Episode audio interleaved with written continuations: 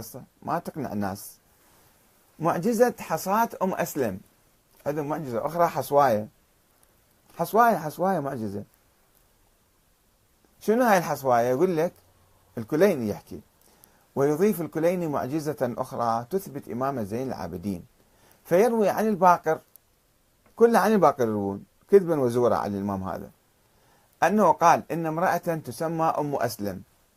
جاءت يوما إلى النبي صلى الله عليه وآله وسلم فقالت بأبي أنت وأمي يا رسول الله إني قد قرأت الكتب وعلمت كل نبي ووصي فموسى كان له وصي في حياته ووصي بعد موته وكذلك عيسى فمن وصيك يا رسول الله يعني النبي ما يتحدث هي جاية تقول له أنا قرأت الكتب بالشكل فأنت شنو رأيك؟ يعني تفترض الشيء هذا للنبي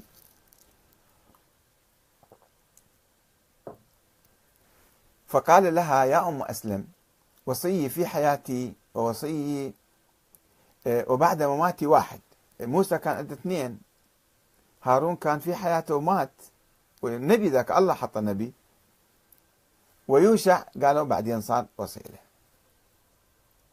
ثم قال لها يا أم أسلم من فعل فعلي هذا فهو وصيي طيب يتكلم نبي ويقول هذا وصيي ليش يعطيها حصواية ويعجنها بيدية؟ ويقول لها شوفي اختمها ختم. ثم ضرب بيده إلى حصاة من الأرض ففركها بإصبعه. فجعلها شبه الدقيق صارت طحين ثم عجنها مرة ثانية ثم طبعها بخاتمه. بس قد ما تكون حصواية قد تكون طينة. شو عرفنا إنه حصواية هذه. ثم قال من فعل فعلي هذا فهو وصي في حياتي وبعد مماتي. فخرجت من عنده أو هي تقول فخرجت من عنده فأتيت أمير المؤمنين فقلت بأبي أنت وأمي أنت وصي رسول الله؟ قال نعم يا أم أسلم. ثم ضرب بيده إلى حصاة ففركها فجعلها كهيئة الدقيق ثم عجنها وختمها بخاتمه.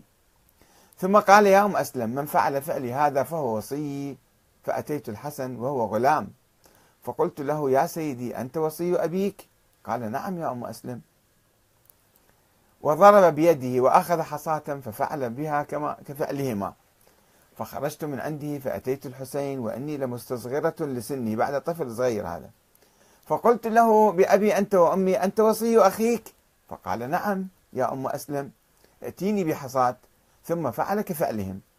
فعمرت أم أسلم. عمر صار طويل جدا. حتى لحقت بعلي بن الحسين. بعد قتل الحسين في منصرفه فسألته أنت وصي أبيك؟ فقال نعم. ثم فعل كفعلهم صلوات الله عليهم أجمعين. جاب له حصواية وأجنها وختمها زين وين الحصواية هذه؟ لازم يحطها بالمتحف حتى تدل على إمامة زين العابدين والأئمة السابقين منو؟ شوف شلون تأليف يعني. ليش ضيعت الحصواية؟ ليش ما الأئمة أخذوها؟ وكم حصواية؟ يعني وحدة لو كم حصواية؟ هذا الكليني شوف العقل مال الكليني شلون يعني الكليني ودا يثبت عقيده ودا يثبت دين ويسوي طائفة وفرقة بهالقصص هذه الأسطورية.